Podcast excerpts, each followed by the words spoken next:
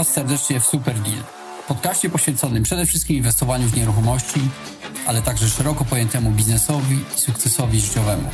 W naszym programie gościć będziemy najlepszych inwestorów, fliperów, deweloperów, którzy dzieli się będą z Wami prostymi wskazówkami, które pomogą Wam również lepiej inwestować i szybciej osiągnąć wymarzony sukces zawodowy i życiowy.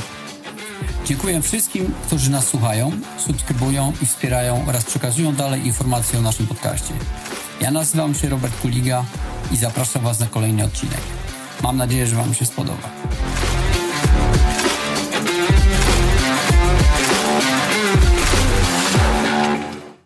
Cześć, e, witam wszystkich serdecznie. Z tej strony Robert Kuliga. Witam Was gorąco w kolejnym odcinku podcastu Super Deal.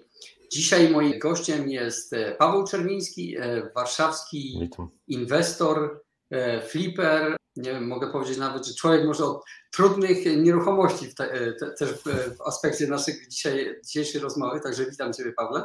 Cześć, witam wszystkich. E, tak, e, będę postaram się opowiedzieć o swoich historiach inwestycyjnych.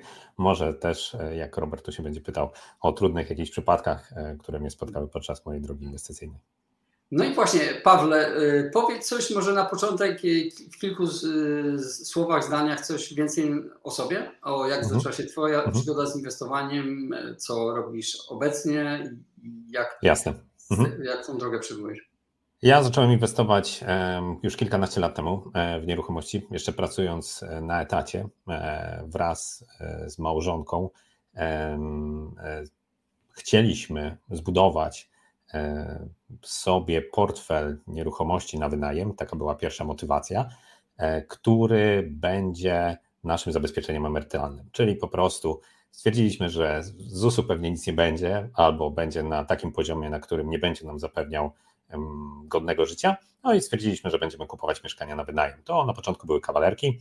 E, tak jak większość młodych osób nie mieliśmy zgromadzonego zbyt dużego kapitału, więc inwestowaliśmy używając kredytu. E, bardzo szybko, bardzo szybko zauważyliśmy, e, chodząc i oglądając wiele mieszkań, że właściwie na nieruchomościach również można zarobić, robiąc po prostu te popularne teraz flipy, czyli E, handlując nieruchomościami, rozwiązując różne trudne problemy, o których będziemy pewnie dzisiaj więcej rozmawiać, dodając wartość do nieruchomości. I po zakupie jakiegoś tam skromnego portfela nieruchomości, najpierw na wynajem, zaczęliśmy kupować nieruchomości z myślą o tym, że właśnie będziemy dodawać do nich wartość. Czy to rozwiązywać właśnie problemy, czy prawne, czy to jakieś budowlane i mm, przekształcać je w prawdziwe perełki, sprzedawać je klientom tak żeby byli zadowoleni.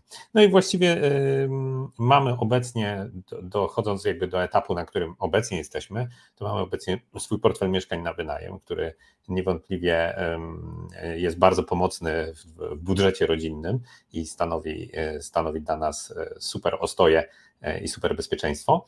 Natomiast dodatkowo robimy flipy, handlujemy nieruchomościami, robimy to ze swojego budżetu, często również współpracujemy z inwestorami zewnętrznymi e, i staramy się znajdować nieruchomości, e, które właśnie mają pewnego rodzaju problemy, o których się, w których się wyspecjalizowaliśmy. Rozwiązujemy je, dodajemy właśnie wartość i generujemy jak największe zyski dla nas.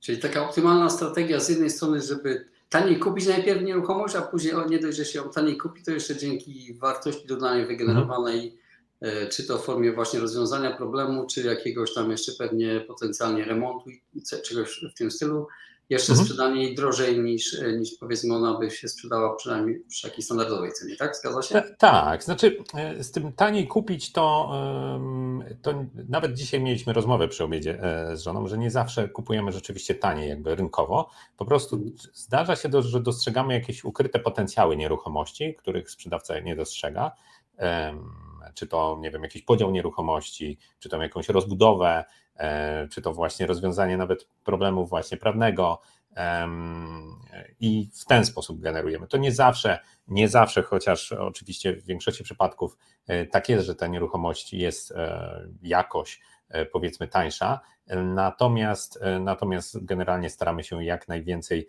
wnieść wartości do, do, do po prostu danej transakcji, żeby, żeby tą nieruchomość po prostu przekształcić, dodać do niej, do, do niej jak najwięcej właśnie e, zalet, e, tak żeby dla naszego klienta później, żeby ten klient był bardzo zadowolony. Generalnie to też dodam, że my w większości przygotujemy, przygotowujemy nieruchomości, można powiedzieć, na gotowo, czyli to są nieruchomości E, nie tylko e, z wyczyszczoną księgą wieczystą, e, tylko też są wyczyszczone w środku, wysprzątane, wyremontowane z pełnym umeblowaniem, homestagingiem, no po prostu takie, wiecie, gotowe mieszkanie, do którego można się wprowadzić, przynieść walizkę, swoje szczoteczkę do zębów i w zasadzie w nim zamieszkać. To jest jakby w tym najbardziej się specjalizujemy.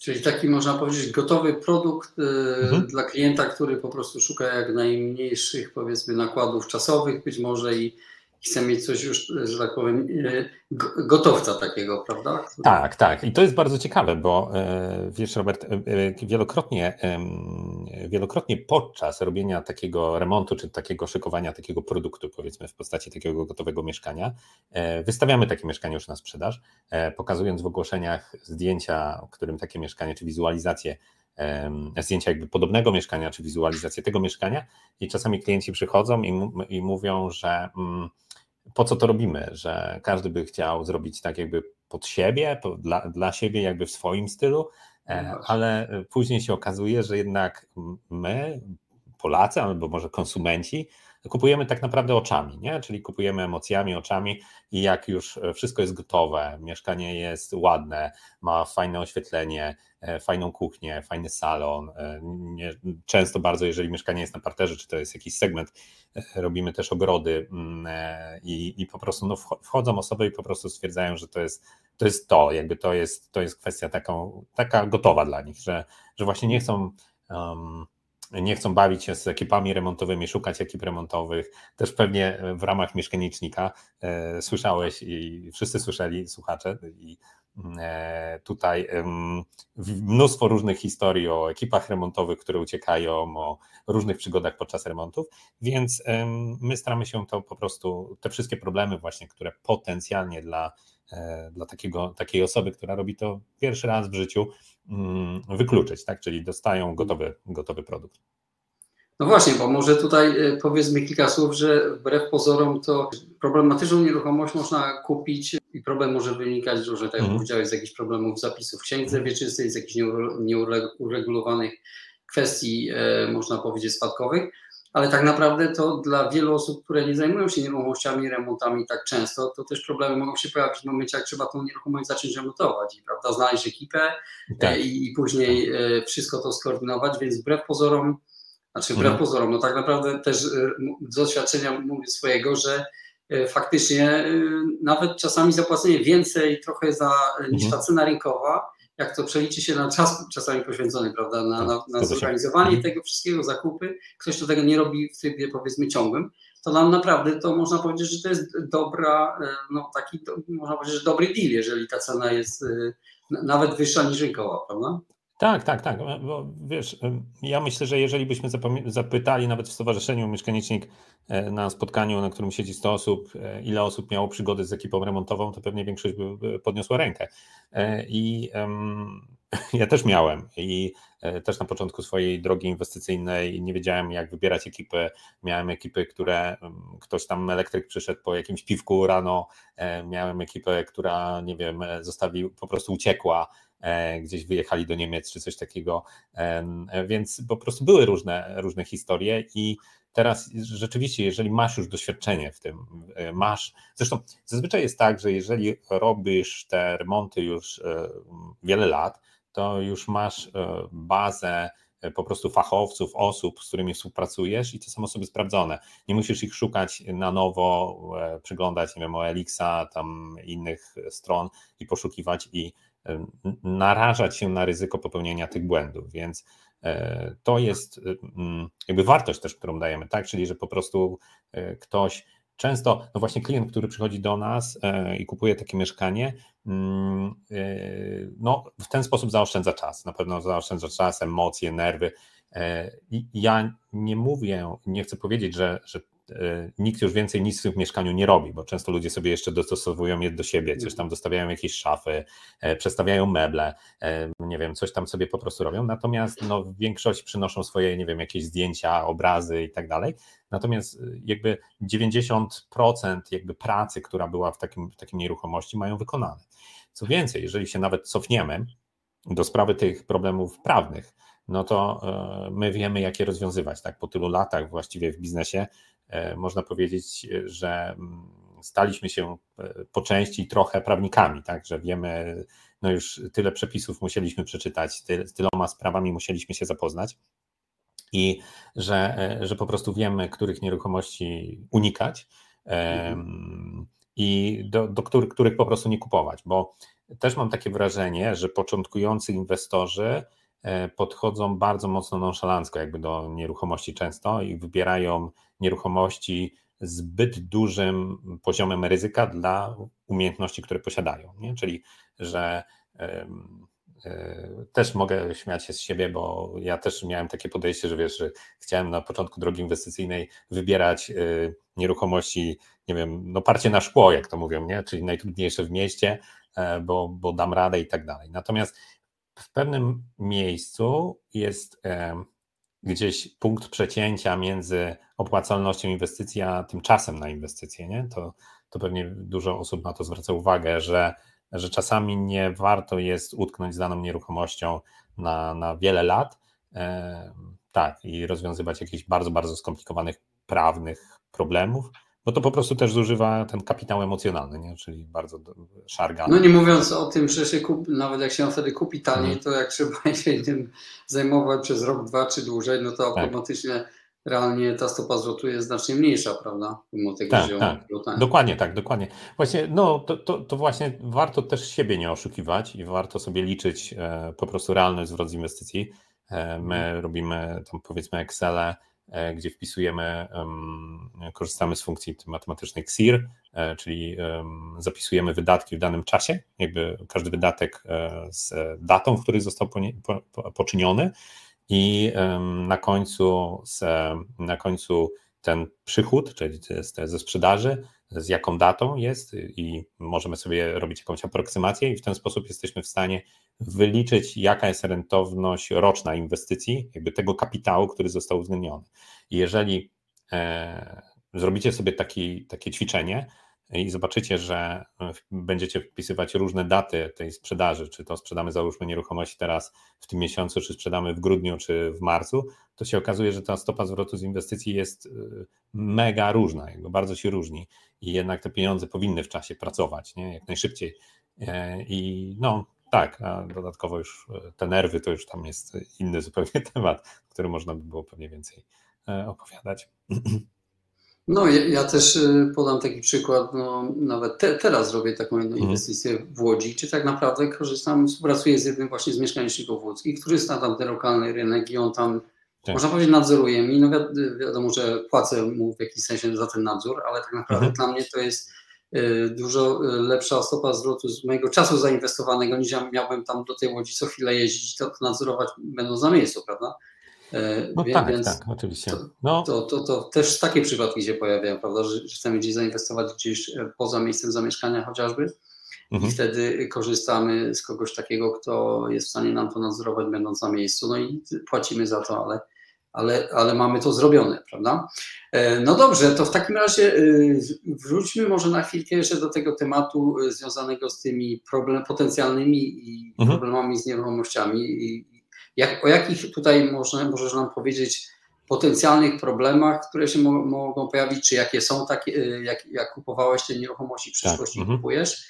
Y, ewentualnie jeszcze jak ty sobie z nimi y, poradziłeś, y, mhm. jeżeli, jeżeli też możesz kilka słów na ten temat. Pewnie. To jakby pierwszy typ, e, typ problemów, które, znaczy ja dzielę jakby źródła okazji na po prostu takie załóżmy oficjalne, czyli jakieś przetargi, licytacje, o których za mhm. chwilkę e, i takie po prostu z miasta, że tak powiem, dostępne, czyli powiedzmy nieruchomości, które są wystawione na różnych tam portalach czy też różnych ogłoszeniach, czy pozyskane przez agencje i tak dalej. I teraz, jeżeli, jeżeli mogę powiedzieć kilka słów o tych e, takich nieruchomościach, które mm, są dostępne, powiedzmy, trafiamy do, do bezpośrednio do sprzedającego, nie ma on jeszcze jakiejś egzekucji, to tu się zdarzają oczywiście tych problemów, jakby jest pełna mnogość. To mogą być od problemów związanych ze spadkami, mogą być problemów, e, problemy związane z rozwodami. Mieliśmy takie sytuacje, że e, w swojej historii jakiejś tam inwestycyjnej, że mm, e, małżeństwo jakieś się rozwodziło i oczywiście żona nie rozmawiała z mężem, tylko dała do, dała do dyskusji swoją matkę, więc, e, więc to można sobie wyobrazić, jaka jest relacja między teściową a tam jakimś mężem e, byłym, czy, czy, czy nie wiem, czy byli jeszcze w trakcie rozwodu. Natomiast, natomiast to jest pierwsza, pierwszy scenariusz, w którym możemy rozwiązać jakiś problem, tak? czyli po prostu wejść w rolę mediatora. Wydaje się to najprostsze. Natomiast no, wtedy często jest tak, że strony, które transakcji ukrywają różne problemy, różne długi, w które zaczynają wpadać i to trzeba bardzo uważać, żeby po prostu nie okazało się, że jakaś strona ma komornika. Kupowałem na przykład takie mieszkanie u, e, w Śródmieściu w okolicy Ronda ONZ w Warszawie, gdzie była sytuacja właśnie, że to było mieszkanie spółdzielcze, czyli dla osób, które są e, trochę bardziej e, początkujące, nie ma takie mieszkanie księgi wieczystej. Wtedy jedynym organem, który mówi o jakimś zadłużeniu jest spółdzielnia mieszkaniowa. No i y, oczywiście się okazało, że pani, która, która sprzedaje właśnie y, taką nieruchomość, ma jakieś zadłużenie y, i tylko mm, spółdzielnia twierdziła, że tylko w spółdzielni i powiadomiła komornika już, żeby zaczął z, nią, z niej ściągać. No i trzeba uważać, żeby takiej nieruchomości mm, nie kupić z pominięciem komornika, no żeby nie doszło po prostu do skargi pauliańskiej. To są już takie jakby bardziej technikalia. Natomiast no, w takich przypadkach w ogóle powiedzmy nazwijmy to mm, bezpośrednich, trzeba uważać, co osoby mówią, bo nierzadko jest tak, że nasz klient nie mówi do końca prawdy, jeżeli ma jakieś problemy. Ludzie zazwyczaj ukrywają swoje, no nie wiem, chyba to jest, jak ty oceniasz, chyba kwestia psychologii, nie? Że, że po prostu się często wstydzą, nie? że po prostu tak. jest tym człowiekiem i mm, no właśnie. I, i, um, i, i trzeba po prostu tak um, e, ze wszystkimi delikatnie rozmawiać, starać się wejść właśnie w rolę, w rolę mediatora, e, zapewnić. Psychologa nawet. Psychologa, tak. E, taką obsługę prawną. No, moja rada jest taka, żeby korzystać z dobrego notariusza. I to też jest taka dla mnie było na początku mojej drogi inwestycyjnej, tam kilkanaście lat temu, zdziwienie, że po prostu notariusz i notariusz to nie jest jakby to samo. Myślałem, że to jakby do obojętnie którego notariusza się pójdzie i będzie ok, nie? tak jak nie wiem, do apteki czy coś.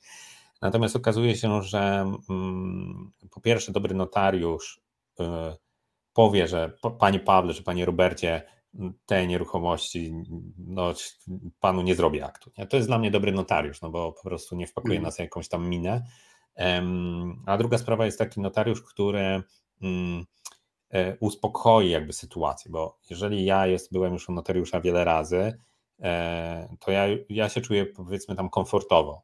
E, natomiast nie wiem, jaka jest statystyka polska, ale to pewnie jest tam poniżej dwóch razy.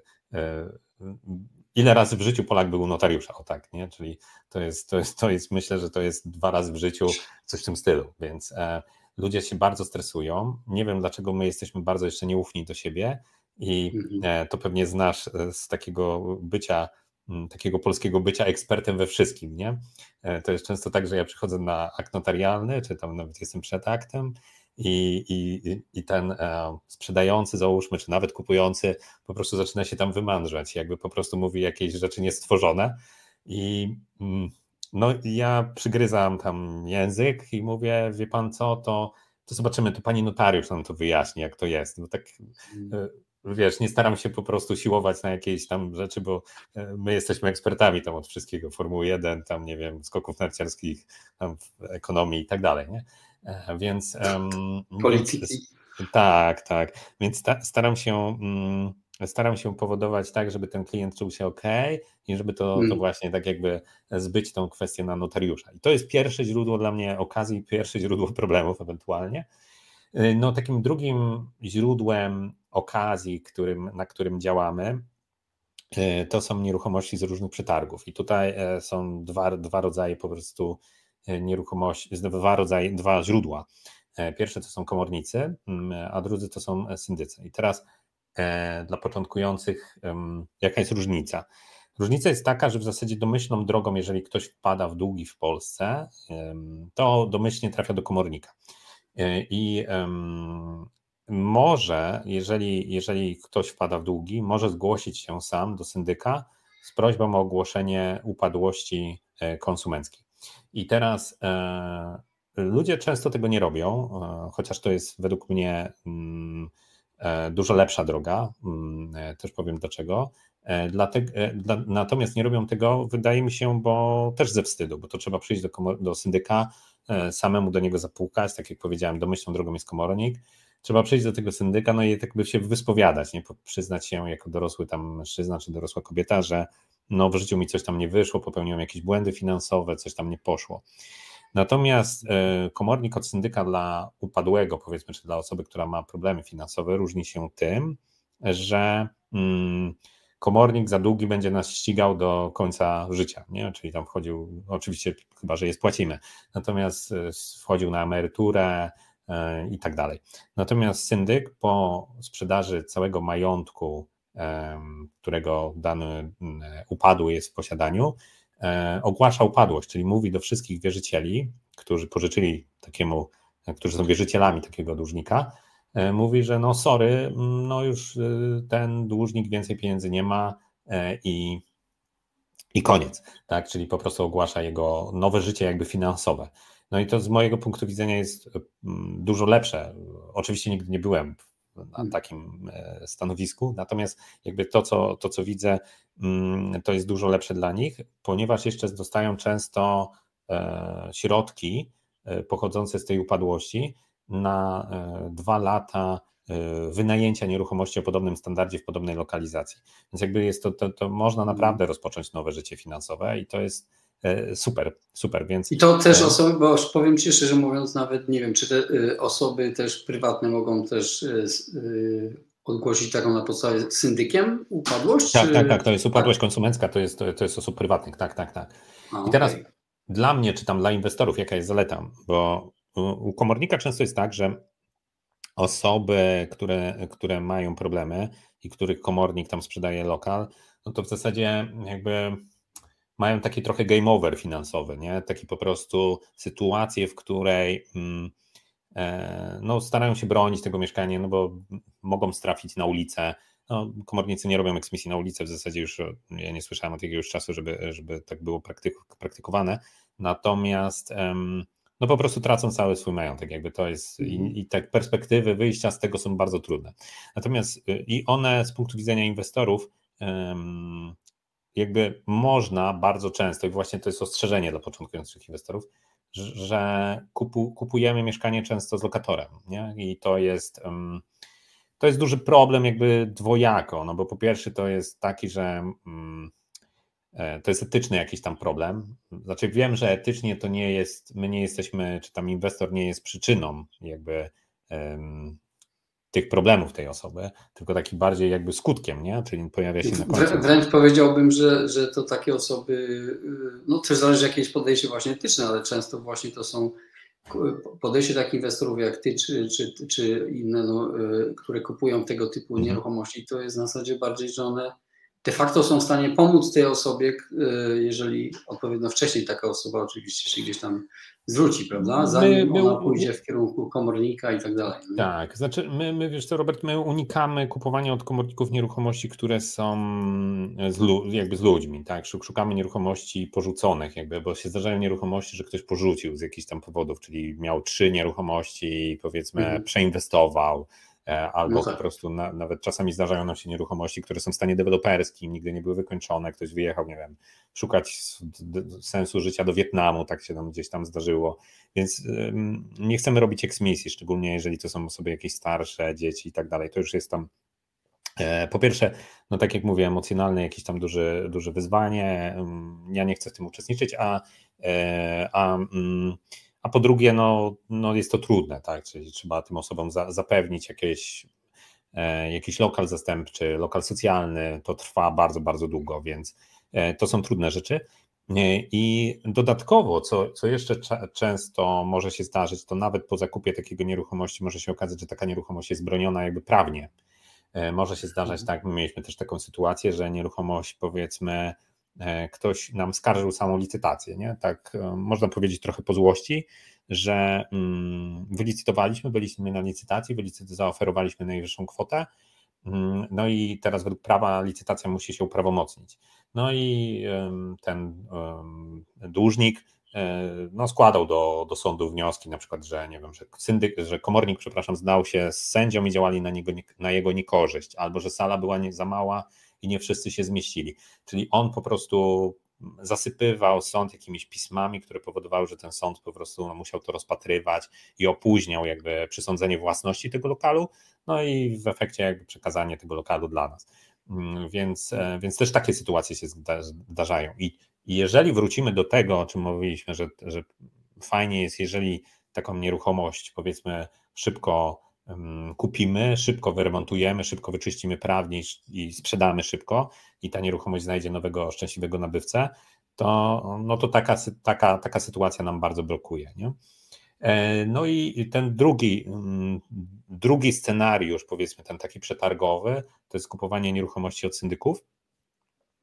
E, I tutaj sytuacja jest o tyle lepsza, że zazwyczaj są to mieszkania puste, które, w których syndyk jest w posiadaniu, czyli nikt w środku nie mieszka. Można takie mieszkanie obejrzeć w przeciwieństwie do mieszkania komornika, bo u komornika, słuchajcie, no e, bardzo często mieszkanie nie da się obejrzeć. Jakby po prostu mimo tego, że w obwieszczeniu jest napisane, że nieruchomość można oglądać, są dwa tygodnie przed licytacją, od 17 do 19, e, to tak naprawdę no, komornik tam nie siedzi i nie pokaże wam tego, tej nieruchomości, po prostu tam ktoś mieszka sobie, jak was puści, to was puści, jak was nie wpuści, to was nie wpuści. I tyle, więc nawet nie wiecie, co kupujecie tak naprawdę, nie? E, natomiast od syndyka można taką nieruchomość zobaczyć, e, można, można się z nią zapoznać, można się zapoznać z operatorem szacunkowym, więc tych, tych dokumentów jest o wiele oczywiście więcej, natomiast mm, jakie są tu problemy? O, problemy są takie, że z mojej praktyki wynika, że e, syndycy nie są profesjonalistami w zakresie prawa, to znaczy zazwyczaj. To znaczy większość syndyków, czy syndycy, od których większość syndyków, od których ja kupowałem nieruchomość, nie jest wykształcenia prawnikami. E, żeby zostać syndykiem, trzeba zdać egzamin, ale nie trzeba być po, e, po prawie. I e, jest, e, zdarzają się, zdarzają się różne, różne różniaste błędy e, w takich, w takich sytuacjach i różnego typu zawiłości. My mieliśmy taki bardzo śmieszny raz, raz taki, taki case, mm, taki ciekawy, że mm, wyobraź sobie, że kupiliśmy mieszkanie od syndyka i wyremontowaliśmy, wyczyściliśmy księgę wieczystą, i e, wcześniej ten upadły, bo jak zaczynasz mieć problem, czy tam odpukać, jak ktoś zaczyna mieć problemy jakieś finansowe, no to tak jak powiedziałem, domyślnie komornik wchodzi. No i komuś się wpisał komornik na księgę wieczystą, natomiast ten ktoś się zreflektował i poszedł do syndyka i mówi, tam panie syndyku, no przejmij pan sprawę, chcę ogłosić upadłość konsumencką. No i syndyk, tak jak tam, nie wiem, tam FBI w tych filmach tam z lat 90. mówi, FBI, przejmujemy sprawę i przejął sprawę. My wyczyściliśmy całą księgę wieczystą, e, wyremontowaliśmy tam z pół roku później mieszkanie i znaleźliśmy klienta i klient przyszedł i mówi do nas, czy może kupić na kredyt. No, mówimy, że okej, okay, jak najbardziej. No i też, żeby, żebyście wiedzieli, jak się kupuje na kredyt, to znaczy jak się sprzedaje mieszkanie na kredyt, a jak z jego strony kupuje, no to się spotykamy na akcie notarialnym, podpisujemy akt notarialny, i chwili właściwie, gdy ten długopis odrywamy od aktu notarialnego, z chwilą, kiedy ja odrywam jako sprzedający, osoba kupująca i notariusz, to jest dane, jakby mieszkanie jest sprzedane, nie? jakby po prostu własność została przeniesiona. Nieważne, czy została zapłacona cena. Własność jest przeniesiona, jest sprzedane. Tak? I płatność zazwyczaj, jak ktoś kupuje na kredyt, ma być tam w ciągu 7 dni. No bank po prostu płaci od razu e, sprzedającemu, czyli nam. No i w, w, tej samej, powiedzmy, czasoprzestrzeni, tylko w innym miejscu w Warszawie, jakiś komornik, który był wcześniej wpisany, sobie pomyślał, powiedział do sekretarki, e, czy tam do kogoś, e, słuchaj, wykreśl nas z tej księgi wieczystej. I złożył wniosek o wykreślenie, o wykreślenie tej egzekucji, która była w księdze wieczystej. No i u nas w księdze się pojawił taka wzmianka, taki warning, takie ostrzeżenie. Uwaga, będzie modyfikacja księgi wieczystej pod tytułem wykreślenie egzekucji. No i po, my po sprzedaży, po podpisaniu aktu notarialnego, e, nasz kupujący idzie z tym aktem notarialnym do banku celem uruchomienia kredytu i przelania pieniędzy. No i się okazało, że oczywiście tam w, w banku, jak to w banku, korpo, jest checklista, no a na checkliście jest tam sprawdzenie księgi wieczystej, żeby było wszystko czyściutko, bez żadnych komorników i wpisów jakikolwiek. No i tam jakaś pani siedzi, no i daje tam czerwoną lampę, no mówi, no żadnego przelewu nie będzie, bo tam jakiś wpis komornika jest, nie?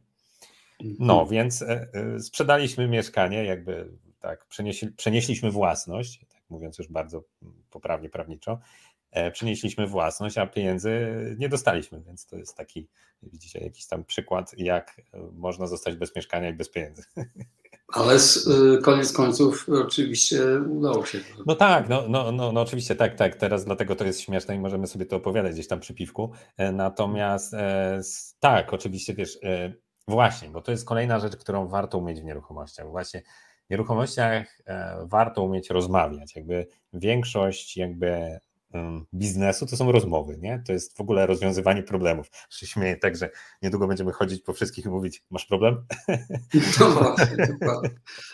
Bo to jest taki, tak, takie rozwiązywanie problemów, no bo to jest tak, trzeba, musieliśmy zadzwonić do komornika, powiedzieć mu, panie, gdzie się pan nam tutaj wpisuje? A on mówi w ogóle, ale kim wy jesteście, nie?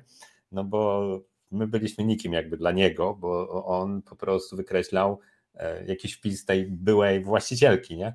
No, więc musieliśmy pogadać z tą właścicielką, właściciel, przez tą właścicielkę pogadać z tym komornikiem, e, powiedzieć mu, jaka jest sytuacja. E, oczywiście ten mhm. kupujący się na nas mega wkurzył, bo jakby on się przestraszył, tak, no bo to była osoba, powiedzmy, no jakiś zwykły Kowalski, żółtodziób, tak, który nigdy tam zbyt wielu mieszkań nie kupował, więc on mówi, Boże Święty, wy mi sprzedajecie jakieś mieszkanie z jakimś komornikiem, awanturę nam zrobił. E, co więcej, w akcie notarialnym jest napisane, zazwyczaj są ten artykuł 3 siódemki, czyli taki mm. przycisk nuklearny, nie? że jeżeli ja, my mu nie Poddanie się egzekucji po prostu. Tak, poddanie no. się egzekucji, że jeżeli my mu nie wydamy mieszkania w ciągu 7 dni, nie, nie bez znaczenia, czy tam e, zapłacone, czy nie zapłacone, e, to on może nas zgłosić też do komornika i oczywiście jeżeli on nam nie zapłaci, to my możemy też nacisnąć Enter taki atomowy i wystrzelić w niego ten, ten, tego niuka, e, no ale przecież jak my naciśniemy, to już nigdy kasy nie dostaniemy, tak? No bo nie możemy strzelać w niego, e, bo on chce nam zapłacić, nie? No więc my musieliśmy po prostu wszystkich uspokoić, nie? Wszystkich uspokoić, z każdym pogadać, jaka jest sytuacja, opanować sytuację. E, no więc emocji było co niemiara, tak? E, oczywiście panu mm. wydaliśmy. Być może notariusz właśnie pomógł trochę? tak, notari notariusz, troszkę, troszkę syndyk, troszkę komornik w efekcie. Mhm. Ten komornik tam e, zadzwonił do sądu wieczystoksięgowego, bo też musicie wiedzieć, że w sądach wieczystoksięgowych są gigantyczne kolejki, takie nawet nie wiem, tam chyba z 13 miesięcy jest, czyli jeżeli teraz kupujecie nawet zwykłe mieszkanie gdzieś tam na rynku normalne, bez żadnych jakichś problemów, to E, może się okazać, że za około rok dopiero będziecie wpisani do księgi wieczystej, więc e, no jeżeli by to poszło zwykłą drogą, to mogłoby się okazać, że ten nasz klient traci zdolność kredytową i nas nigdy nam nie zapłaci, jakby nie, więc no oczywiście, e, oczywiście no to, to jest taki case, który, który teraz się śmiesznie opowiada, natomiast no było z nim sporo emocji, sporo wyzwań i E, dużo rozmów i, i wyjaśnień. E, nie każdy oczywiście to rozumie na takim mm. etapie, jakby, no wiesz, no, my też myślę, że osoby, które będą to oglądać, to pewnie są zainteresowane nieruchomościami i e, pewnie bardziej to rozumieją. Natomiast no, zazwyczaj osoba, która, która, tak jak mówię, no, jest raz czy dwa razy w życiu notariusza, no to dla niego to jest jakiś tam E, poziom abstrakcji jest bardzo wysoki, nie? więc jak to możliwe? Zresztą, jak się zapytamy pewnie statystycznego Polaka, e, kiedy właśnie przechodzi, kiedy jest punkt przejścia własności nieruchomości, to powie po zapłacie ceny, a tak nie jest. Nie? No, no tak, dokładnie. Ale to wtedy był pierwszy taki przypadek, rozumiem, no to wtedy dla Was pewnie też to nie było zbyt przyjemne, ale czy, czy to... Oj, pierwszy nie, znaczy pie, pie, pierwszy tego typu, bo, bo tak, pierwszy, to, pierwszy to pewnie nie, bo, bo my mieliśmy tam pewnie bardzo dużo takich sytuacji, że, że coś się nie zgadzało, nie? Mieliśmy hmm. na przykład z żoną akurat to coś kupowaliśmy, e, kupowaliśmy od syndyka znowu na przykład nieruchomość mm, i też był taki case, że mm, była bankructwo, było małżeństwa. I jak jest małżeństwo, które nie ma e, rozdzielności majątkowej, no to w księdze wieczystej lokalu jest wpisane, że tam Jan Kowalski ma jedną pierwszą i Anna Kowalska też ma jedną pierwszą, tak? Czyli że to jest ta jedna pierwsza ta sama, nie? Tak jak, nie wiem, do dzieci byśmy to mhm. porównali, że mój syn jest tak samo mój jak żony, nie, że po jednej drugiej, nie, że coś takiego. No i teraz e, mieli też garaż, miejsce postojowe w garażu podziemnym, no i powiedzmy, że było ich dla łatwości, bo, bo tam była oczywiście trudniejsza sytuacja, jedna setna. I to mieli jeden garaż ze stu, tak, jedno miejsce postojowe ze stu. I e, syndyk do przetargu wystawił dwie setne, jakby podsumował udział żony i męża, jakby podsumował. No i my tego nie zauważyliśmy, kupiliśmy, wylicytowaliśmy. To było drogie mieszkanie, e, tam ponad 100 tysięcy samego wadium było. I no, oczywiście to jest tak, że tam jest jakiś czas na zapłatę ceny u syndyka, tak jak u komornika. Yy, no i zazwyczaj wszyscy inwestorzy wykorzystują ten czas na maksa, nie? czyli tam praktycznie się spotykasz przedostatni dzień na podpisanie umowy, yy, no bo tam trzeba jakieś papiery załatwić, mnóstwo jest formalności. I spotykamy się u notariusza, a pani notariusz, tam pan notariusz wtedy był i mówi, że on nie może sprzedać, odmawia sporządzenia aktu notarialnego, bo nie może sprzedać dwóch miejsc postojowych, bo kowalcy dwóch miejsc postojowych w życiu nigdy nie mieli. Nie? No, no i mhm. oczywiście tam też dostaliśmy prawie palpitacji, no bo to były nasze też jakieś tam początki inwestycyjne, e, tam ponad 100 tysięcy to były bardzo duże dla nas pieniądze, zresztą nadal są, e, więc po prostu tam prawie zawał. Patrzymy na syndyka, no syndyk mówi, ja mówię, panie syndyku, pan dzwoni do sędziny i tam załatwia, nie do sądu i tam załatwia. Okazało się, że to jeszcze była jakaś przerwa, to był e, jakiś termin między świętami Bożego Narodzenia a Nowym Rokiem. Więc sędzina była na nartach gdzieś tam w Austrii, więc po prostu było bardzo trudno to wszystko załatwić. Mm, natomiast no, zaczęliśmy dzwonić po różnych e, notariuszach, no i opisaliśmy to jako y, omyłkę y, oczywistą, jako błąd taki oczywisty. E, tam jeszcze za zgodą sądu, tam różne jakieś pisma były z tego tytułu. Natomiast no po prostu, wiecie, to w danym momencie to są spore nerwy, spore emocje, bo nie dość, że tak, że twoje emocje są takie, że pozyskujesz nieruchomość, które na początku przychodzisz do notariusza na zasadzie pozyskuję nieruchomość, na której zarobię dużo, nagle te, te, te, te emocje przekształcają się stracę 100 tysięcy, nie? Na, na, zasadzie nie dość, że nie no będę miał inwestycji, na której zarobię, to jeszcze stracę stówę, nie? I jeszcze czas i nerwy i tak dalej, nie? Więc y, no, emocje, nieruchomości zapewniają bardzo dużo emocji zazwyczaj, jakby po prostu tam się dużo dzieje i dużo różnych przygód. E, tak jest problemem przede wszystkim. Tak, tak, tak, tak, tak. Tutaj powiedziałeś o takich problemach, które wielu mo mogą z miejsca zniechęcić do, do zajęcia się czymś takim, ale mm, jeszcze powiedział trochę, ile w takim razie, ile taniej można taką nieruchomość na przykład kupić, albo ile, e, no właśnie, bo żeby ktoś taką jakąś miał perspektywę e, z, z tej drugiej strony, Ile... No to właśnie nieruchomości są o tyle ciekawe, że można po pierwsze tak myślę, że rynkowo kupić około 20% taką taniej nieruchomość z problemami. Może nawet więcej, ale powiedzmy zatrzymajmy się na tych 20%. Natomiast jakby zaletą tych nieruchomości jest często to, że te nieruchomości są nieporównywalne do siebie. Jeżeli znajdziemy takie jakieś unikalne mieszkanie, do którego jesteśmy w stanie jeszcze dodać jakąś właśnie jakąś wartość, coś ciekawego z nim zrobić, jakoś się przekształcić, nie wiem, dodać pokoje, mhm. e, czy, czy przenieść jakoś kuchnię gdzieś tam, coś po prostu porobić, że ono jest jakby atrakcyjniejsze to właśnie mm, my często tworzymy z nich tak jakby trochę takie dzieła sztuki, że mm, e, ten, te, te, po prostu bardzo ciężko jest, no nawet, może inaczej. Jestem w jakimś tam mieszkaniu dzisiaj i jakbym nawet zapytał, nie wiem, swojej żony, która siedzi w tej branży, czy ja bym się zastanowił, ile ta nieruchomość jest warta, to pewnie bym tak mniej więcej powiedział, no tam, nie wiem, załóżmy milion, nie? Ale w sumie jakby się znalazł klient, to może milion sto, a jakby mi bardzo zależało, to może 900. I ten rozrzut, i żebym szybko sprzedał, przepraszam, i teraz ten rozrzut tych cen jest bardzo duży. I, i teraz e, po pierwsze, jeżeli umiemy negocjować, jeżeli e, damy sprzedającemu e, jakieś rzeczy, na którym mu bardzo zależy. Na przykład niektórym zależy na jakiejś szybkiej płatności jakiejś części, żeby oni spłacili swoje zadłużenie. To oni są w stanie zejść z ceny. E, później na, na przykład mm, możemy, nie wiem, niektórym na przykład zależy na tym, żeby posprzątać takie mieszkanie, nie? O ile razy kupowaliśmy mieszkania pospadkowe, takie, mm, wiesz, nie wiem, czy ci się takie trafiły mieszkania, wiesz, zagracone jakby po prostu totalnie, nie? Że tam, nie wiem, jest niby 80 metrów, a, ale w sumie jest, jest 10, nie? Bo, bo po prostu jest... Tak, takiego nie, nie kupiłem jeszcze, no, tyle ruiny już totalne, ale takie, żeby tak było zagracone. No, my mieliśmy raz y, to czasami e, osoby starsze mają takie choroby te zbieractwa, nie? Nie, nie wiem. E, no, no tak, jest, więc, więc, więc po prostu czasami nam się tam już dwa razy takie trafiły, że tam po prostu było wszystko, nie? Mydło, powidło, wiesz, po prostu osiem dywanów na, na podłodze i tak dalej.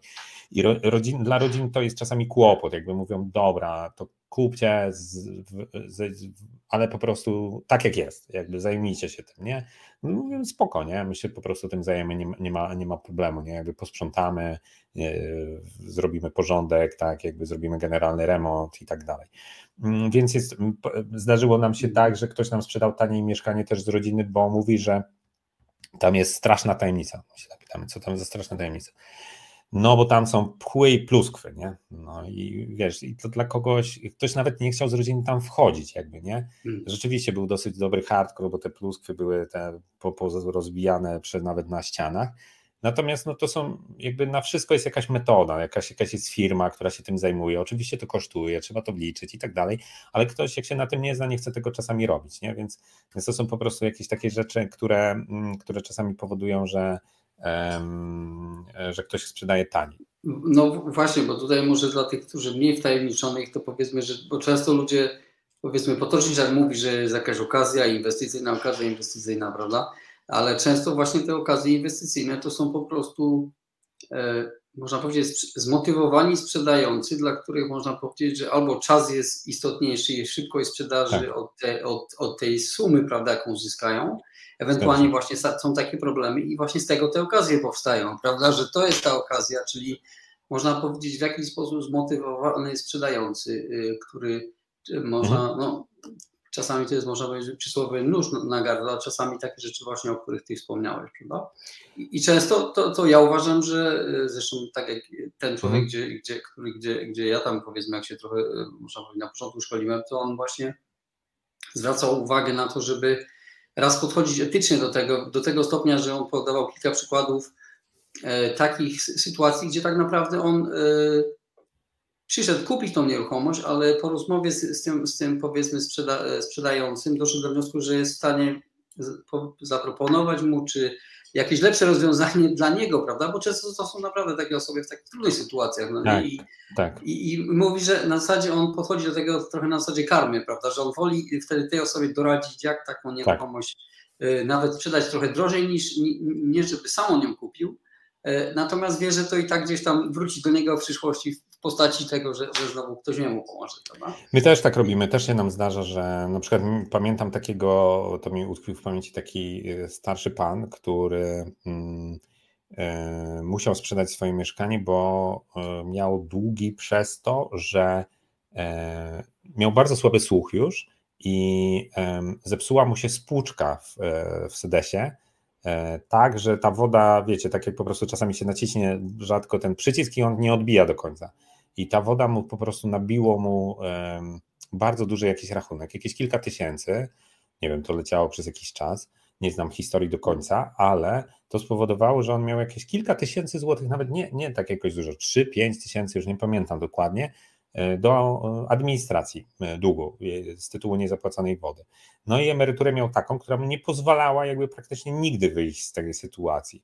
I oni po prostu go tam wysyłali mu jakieś monity, prośby, żeby spłacił i tak dalej, no ale w końcu już nie wytrzymali, mówią, no dobra, albo to spłacisz, albo po prostu my to do komornika damy.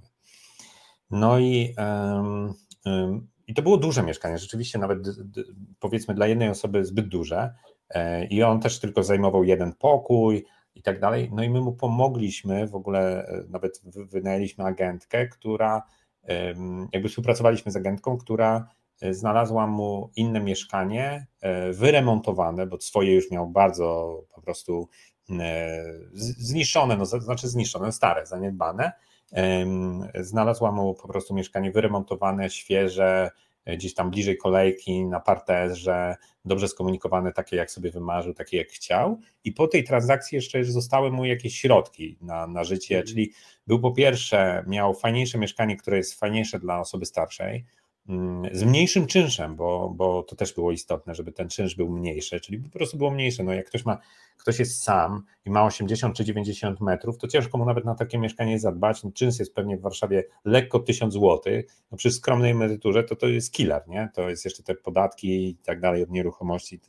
I no bardzo ciężko jest takim osobom żyć. I one po prostu jakby są przywiązane do tego mieszkania. Wiem, z jednej strony może to mieszkanie rodzinne i tak dalej, no ale z drugiej strony to taka sytuacja zaczyna się robić patowa, szczególnie jak zaczną mieć jakieś nieprzewidzialne wydatki, nie? A jak tam prawo Marfiego mówi, to, to w takich przypadkach zawsze są nieprzewidzialne wydatki.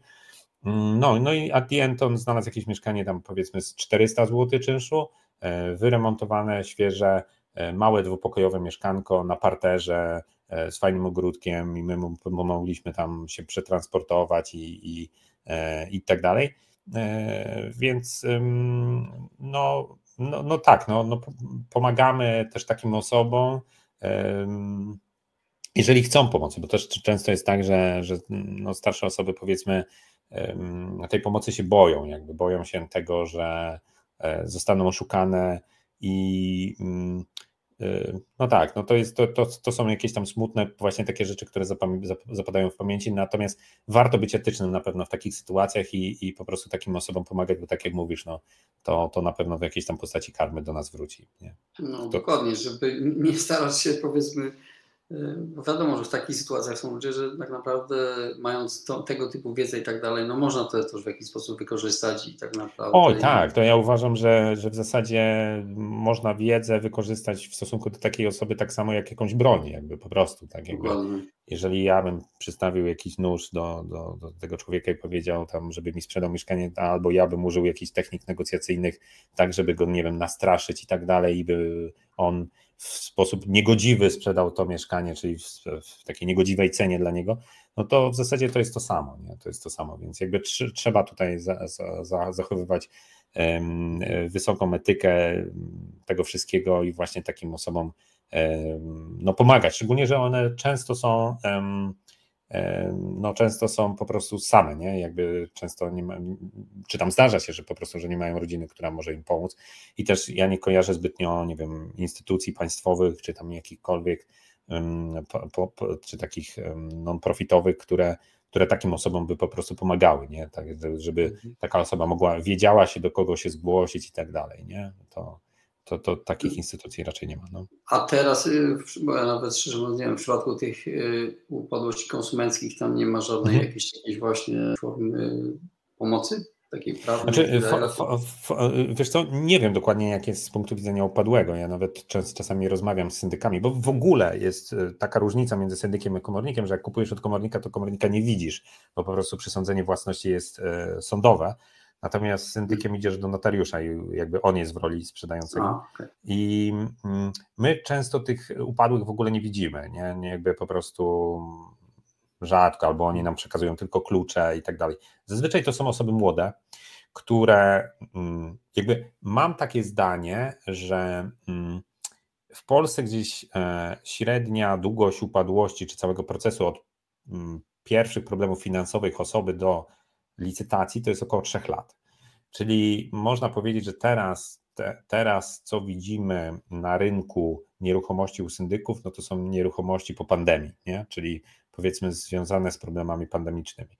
E, A widzisz jakiś wzrost taki, w sensie, że tak, jest tak, więcej tak, tych tak. nieruchomości? O, u syndyków jest mnóstwo roboty, nie? Jakby po prostu, tak, oni mają bardzo dużo nieruchomości różnych. I, e, i, i wygląda to w ten sposób, że no na przykład była jakaś pani, która miała oglądałem, akurat nie kupiliśmy tego nieruchomości, miała jakieś biura turystyczne w galeriach handlowych i no mówiła, że po prostu na tym zbankrutowała, nie? Że, że te koszty utrzymania tych biur chyba nie, no nie znam też jakby szczegółów, mm. że domyślam się, że po prostu galerie handlowe nie odpuściły po prostu tam czynszy i, no tak. E, i ty, może koszty pracownicze, może i tak dalej, i tak dalej. No i ogłosiła upadłość konsumencką. Więc to często są też jednoosobowe działalności gospodarcze, nie? Czyli właśnie kiedy, jak posiadając jednoosobową działalność gospodarczą, ręczysz za swoje działanie całym majątkiem, nie? więc, e, więc to też jest wynikiem tego. I to są zazwyczaj osoby młodsze. Mm, raz w życiu mieliśmy taką sytuację, że dowiedzieliśmy się, przejmując klucze od nieruchomości, e, że mm, pani e, ma nowotwór, nie? że pani po prostu ma tam raka. I, ale naprawdę bardzo się jakby cieszyła, że udało jej się przejść drogę upadłości konsumenckiej, a nie trafić do komornika tak? Czyli ona mhm. jakby mm, cieszyła się, że ta sprawa, ta, te problemy finansowe, jakby po sprzedaży tego domu, ona dostawała e, środki na dwa lata życia, że ona po prostu może ten kłopot jakby zamknąć, nie? E, więc ja też tylko z nią rozmawiałem przez chwilkę przy, przy, przy po prostu przejęciu mieszkania. No, my nie znamy jakby zazwyczaj tych tematów związanych, tych e, historii, tych ludzi, i tego, co, co za tym stoi. Nie? Wydaje mi się, że ta droga tych upadłości konsumenckich jest no, lepszą drogą dla, dla upadłego, ale to może kiedyś, nie wiem, udałoby się gdzieś tam e, zaprosić na przykład do takiego podcastu właśnie na przykład upadłego, jakby jak to z jego mm. perspektywy wynikało, wyglądało, tak, jak to po prostu, czy, czy nie wiem, syndyka, e, żeby on opowiedział właśnie jak mm, jak to z jego punktu widzenia, nie? jak to jest, jak to, jak, kim są właśnie osoby, które się do niego zgłaszają, jak to wygląda, e, jakie są mniej więcej takie ich historie, jakie problemy, skąd się ich biorą i tak dalej, nie? Mhm. Jasne. Chciałbym Cię jeszcze jako może nawet już chyba ostatnie pytanie zapytać, mhm. E, czy byłbyś tutaj e, w stanie mm, dla tych osób, które nas słuchają, które powiedzmy chciałyby mhm. zacząć inwestować w nieruchomości, ewentualnie również w tego typu nieruchomości, mhm. jakieś swoje trzy e, takie naj, naj, powiedzmy istotniejsze swoje perspektywy, typy, uwagi, jak mhm. powiedzmy zacząć no, na przykład, tak? jak, jak, się edukować w tym jasne. zakresie no, no właśnie, to, to pierwsze bym zaczął od edukacji i szkoleń, od wszelkich e, form edukacji, czy to słuchania podcastów, e, YouTube'ów, e, czytania książek, chodzenia na szkolenia. To są na pewno miejsca, gdzie nauczycie się unikać, czy ja się nauczyłem unikać błędów, bo po prostu słuchając innych historii, historii innych osób. E, mhm. Druga sprawa to jest, drugi taki, taki tip, taka, taka porada, to jest oglądać po prostu dużo nieruchomości, które nas interesują, e, bo hmm, e, jest bardzo takie popularne zjawisko osób początkujących, że zakochują się w nieruchomości pierwszej, którą oglądają. Nie? To jest tak, że wchodzimy do tej pierwszej nieruchomości, którą zaczynamy i ja nawet pamiętam, dzisiaj też opowiadaliśmy, gadaliśmy z żoną o tym naszej historii, tam e, jakoś, jakoś nam się przypomniała, że oglądaliśmy kiedyś pierwsze w życiu mieszkanie, jakby, które chcieliśmy kupić na Solcu e, i to był, e, Górka wtedy była ta 2006-2008 rok i i po prostu chcieliśmy je bardzo kupić, nawet nie negocjując i pamiętam sprzedający zaczął licytację w górę i my tak się na siebie spojrzeliśmy i mówimy, no nie, no nie, bez przesady. No i weszliśmy, ale ono nam się tak podobało, że mieliśmy taki, taki po prostu taki niesmak, taki niedosyt, że kurczę go nie kupiliśmy, nie? I, i, e, pewnie na no, chwilę, bo na drugi dzień już nie pewnie. No tak, no oczywiście, ale, ale wiesz, jakby to zapamiętałem, że, że że tak, nie, że tak było. Drugą też mam taką swoją historię, kiedy kupiłem już pierwsze mieszkanie na wynajem, to tak chciałem je wyremontowane było do generalnego remontu, żeby wiesz, jakby zaprosić tam wszystkich swoich kumpli, rodzinę, żeby pokazać, jak ładne mieszkanie na wynajem zrobiłem. Mm. A przecież no tak.